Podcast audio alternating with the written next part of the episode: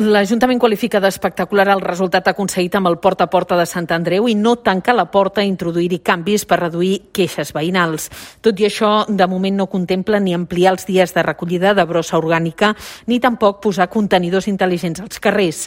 El regidor d'Emergència Climàtica, Eloi Badia, avançava que l'any que ve ja podrien començar a bonificar la taxa de residus als veïns que reciclin correctament. Estem treballant per poder introduir la bonificació per l'any vinent. Per tant, també volem que aquells barris de Barcelona que estan fent aquest gran esforç en augmentar la recollida selectiva també puguin veure's beneficiats per aquest element econòmic. Ells, eh, d'alguna manera, ens permetran fer un gran estalvi i, per tant, aquest estalvi és just doncs, que ja se'n puguin beneficiar el més aviat possible. A la presentació de les dades hi ha assistit el nou director de l'Agència de Residus de Catalunya, que avalava amb aquestes paraules l'aposta de l'Ajuntament de Barcelona pel porta a porta i recordava que com a país anem tard en temes de reciclatge i que estem obligats a avançar perquè així ho exigeix la Unió Europea. Provo l'Ajuntament de Barcelona en fer aquesta aposta, segur i no només a l'Ajuntament de Barcelona, sinó que a tots els ajuntaments que, que facin passos valents per assolir els objectius que, que es proposen, com deia, per convicció,